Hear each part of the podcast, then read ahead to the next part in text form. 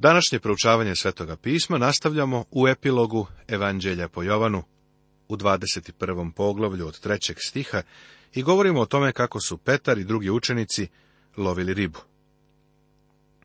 Lovili su cele noći i nisu ništa ulovili. Pre su bili nestrpljivi, a sada su nestrpljivi i frustrirani. Lako je loviti ribu kada ribu i uloviš. Ali kada ne uspeš da je upecaš, osjećaš se frustrirano, odnosno uskraćeno.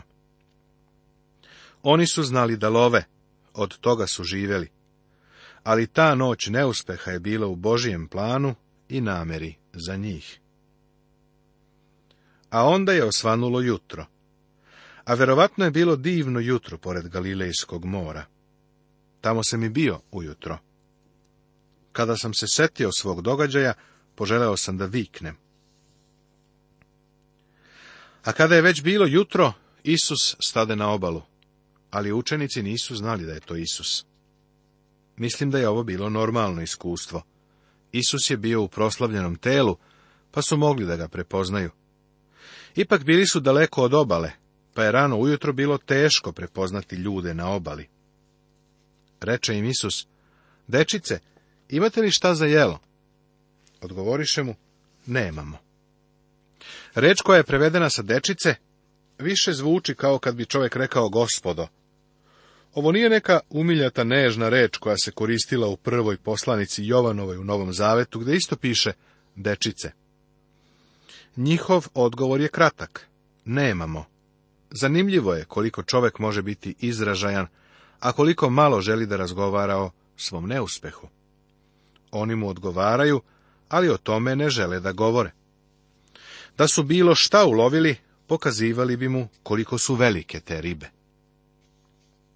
Ovo je pitanje koje će Isus jednoga dana pitati svakoga od nas. Da li si išta ulovio? Šta si uradio za ljude dole na zemlji? Nadam se da tvoj odgovor neće biti isti kao odgovor učenika. Ne, ništa nismo ulovili. A on im reče, bacite mrežu s desne strane čamca i naći ćete. Na to oni baciše i nisu više mogli da je vuku od mnoštva riba. Cela zamisao ovoga teksta i njegova poruka jeste da Isus upravlja životom onih koji mu pripadaju. On daje uputstva, a oni treba da ih poslušaju. Kada love ribu po njegovim uputstvima, mreže bivaju pune zapazi da se mreža nije pocepala, iako je puna. Mreža je čvrsta, čvrsta kao evanđelje smrti, pokopa i vaskrsenja Hristovog, o kome oni svedoče. Tada reče Petru onaj učenik, koga je Isus ljubio, to je gospod. Simon Petar pak, čuvši da je to gospod, opasa se ogrtačem, jer beše go, i skoči u more. Jovan posjeduje duhovnu pronicljivost, koja Simonu Petru nedostaje. Pre tri godine Isus ih je, verovatno na ovom istom mestu, pozvao. Oni su se vratili ribarenju, pa ih je gospod ponovo pozvao da love duše ljudi. Možda Petar i nije imao tu Jovanovu pronicljivost, ali da li si primetio da se u svakoj prilici baš on približava gospodu? Ostali su sedeli u čamcu i čekali da stignu do obale. Ali ne i Simon Petar. On ne može da čeka. On želi da bude blizu gospoda. Ovo je divan čovek. A drugi učenici dođoše čamcem, vukući mrežu sa ribom, jer ne behu daleko od kopna, nego oko dvesta lakata. Kada pak iziđoše na zemlju, videše postavljen žar i ribu na njemu, i hleb. Reče im Isus, donesite od riba što ste sad uhvatili. Na to Simon Petar uđe u čamac i izvuče na obalu mrežu punu velikih riba. 153. Iako ih je toliko bilo, mreža se ne pocepa. Ovo je posljednji zapis o Isusovom čudu i jedino zabeleženo čudo nakon njegovog vaskrsenja. Ovo je od najveće važnosti, jer smo zainteresovani za Hristovu službu i posle njegovog vaskrsenja. Apostol Pavle kaže, stoga mi od sada nikoga više ne poznajemo po telu. Ako smo i znali Hrista po telu, sada ga više tako ne poznajemo. Zapisano je u 16. stihu petog poglavlja druge poslanice Korinčanima. Nismo se pridružili u Vitlejemu, nego vaskrslom, živom, proslavljenom Hristu, koji je Bogu sa desne strane. Zato je od životne važnosti za nas njegova služba posle vaskrsenja. Ima nekoliko stvari na koje bih želeo ovdje da skrenem tvoju pažnju. Da li si primetio da Isus za osnov svojih čuda koristi ono što ljudi imaju? Učenici su ribarili i nisu ništa ulovili gospod Isus im daje obilje ulova. U kani Galilejskoj su se posude sa vinom ispraznile. Gospod je rekao da ih napune vodom, a zatim je vodu pretvorio u vino. Pita Mojsija šta mu je u ruci. Mojsije kaže da drži štap. Tim štapom gospod čini čuda u Izraelu. David je veran pastir sa pastirskom palicom, a gospod mu daje skiptar koji će držati u ruci. Zanimljivo je to da što god imaš u rukama, Bog baš to može upotrebiti. Tako mnogo ljudi želi da su na nekom drugom mestu, u drugim okolnostima. Prijatelju, ako Bog ne može da te upotrebi baš tu gde se nalaziš, mislim da ne može da te koristi ni na nekom drugom mestu. Pored toga, da li si ikada primetio da Bog obilato radi sve što radi? Posude sa vodom su bile pune vina. U korpama je ostalo još hrane, iako se nahranilo više od pet hiljada ljudi. Mreže su također bile pune ribe. Također zapazi da iako je Isus stavio ribu na žar, da bi doručkovali na obali Galilejskog mora, on od njih traži ribu koju su sami ulovili. On prihvata njihovu službu. Kada su lovili po njegovoj zapovesti, on prihvata ono što mu oni donose. Kakvo blagosloveno zajedništvo postoji u ovakvoj službi. Postoji još jedna prilika kada je Petar ulovio čudesno veliki broj ribe.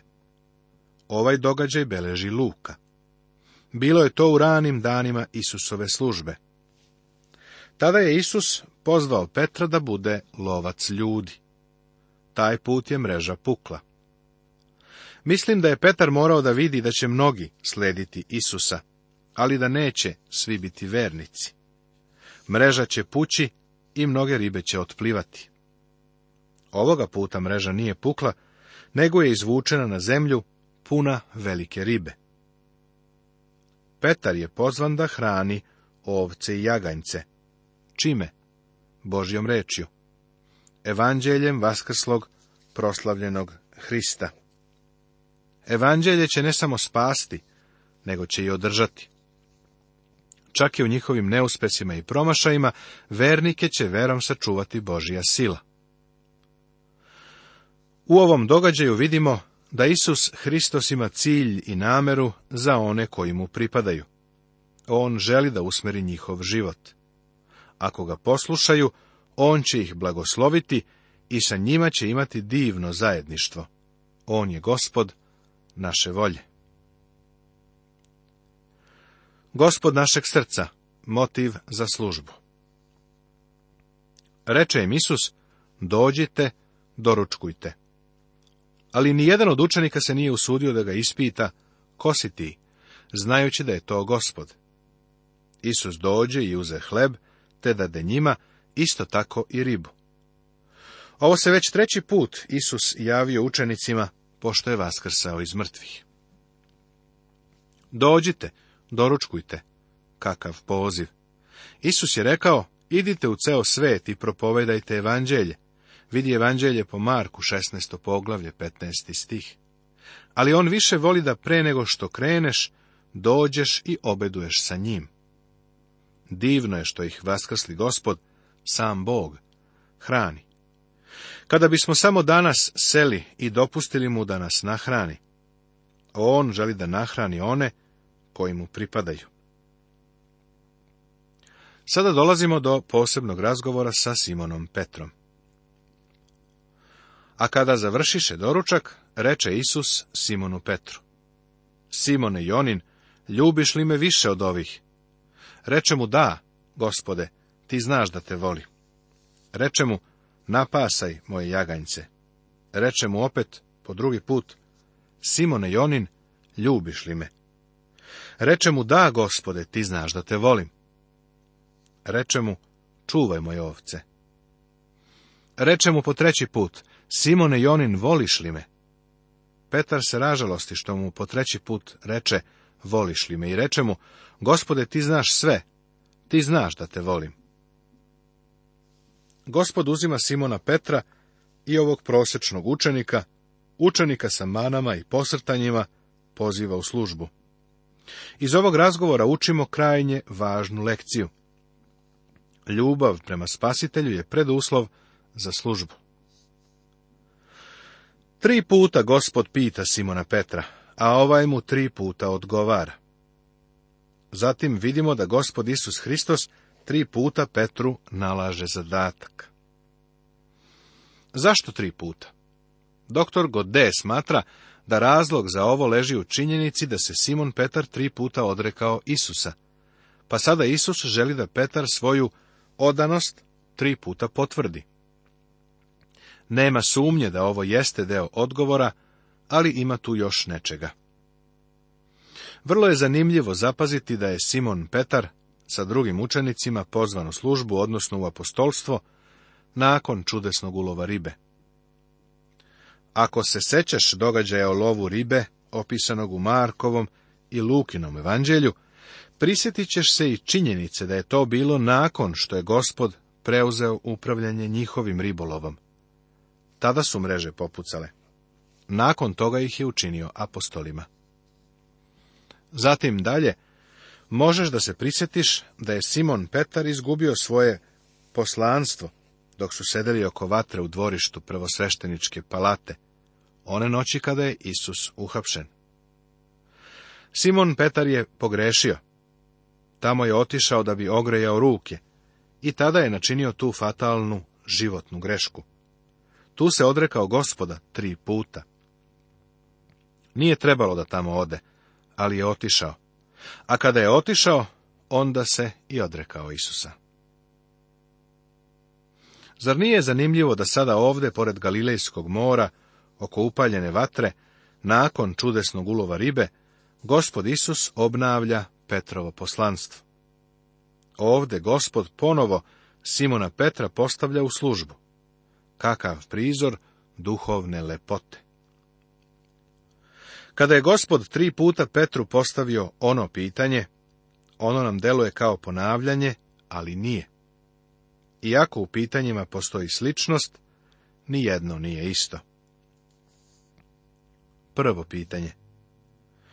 A kad završiše doručak, reče Isus Simonu Petru. Simone Jonin, ljubiš li me više od ovih? Mnogi kažu da bi želeli da su imali privilegiju da budu prisutni u nekim prilikama u životu gospoda Isusa, kada je činio čuda i tako dalje. Iskreno govoreći, nisam siguran da bih želeo da se vratim u to vreme.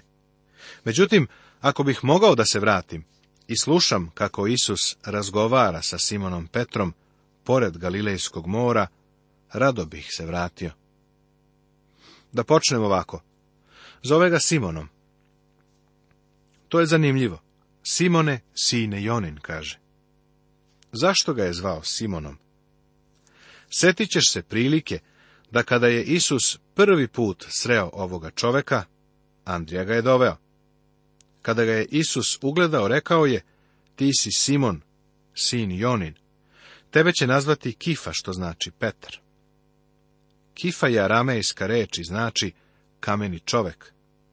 Na grčkom je to Petros, ime mu baš odgovara.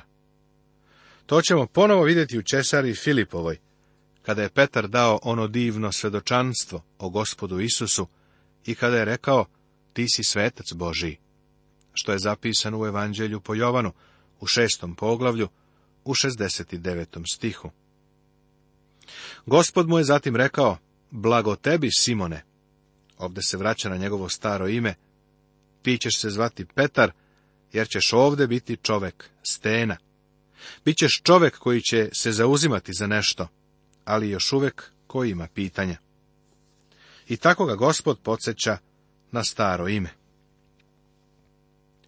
U grčkom jeziku postoje tri reči koje se na naš jezik prevode kao ljubav. Možda prijatelju nisi svestan činjenice da nekim jezicima kao što je engleski nedostaju reči. Za ljubav u engleskom postoji jedna reč i to je sve. Druge reči nema. Hollywood bi danas za drugu reč dao pa najmanje milion dolara. Ono najbolje što imaju je seks i to prilično prost. Ali grčki jezik je jezik bogat i fleksibilan. Posjeduje tri reči koje se kod nas prevode kao ljubav. Prva reč koju imaju je eros. Upotrebom ove reči oni su degradirali smisao ljubavi. Grci su degradirali reč ovom upotrebom, jer su je personifikovali. U stvari, načinili su boga Erosa i povezali su imena Eros i Afrodita. Danas su nam ta imena poznatija od imena Venere i Kupid. Ova posljednja su latinska imena, ali sa istim smislom, kao i grčka. Međutim, Grci su prvi pokrenuli ideju Afrodite i Erosa. Eros je reč za senzualnost. Mi verujemo da hollywoodska reč seks, koja se danas zaista mnogo koristi, najbolje izražava ono što su ovde Grci imali na umu. Međutim, u Božjoj reči, reč eros nikada nije upotrebljena. Postoji još jedna grčka reč, to je fileo, a znači prijateljstvo. Odnosi se na osjećanja u vezi se među ljudskim odnosima, i to u najboljem njihovom smislu. Iz ove reči proizilazi reč filantrop, kao i Filadelfija, što u prevodu znači grad bratske ljubavi. Ova reč se koristi u Svetom pismu. Ali postoji još jedna reč za ljubav, to je agapao. Agape je najuzvišenija i najplemenitija reč za ljubav. Dr. Vincent u svojoj knjizi Proučavanje reči, ovu reč naziva rečju dostojanstva. To je i božanska reč, odnosno reč koja se upotrebljava da opiše Božju ljubav.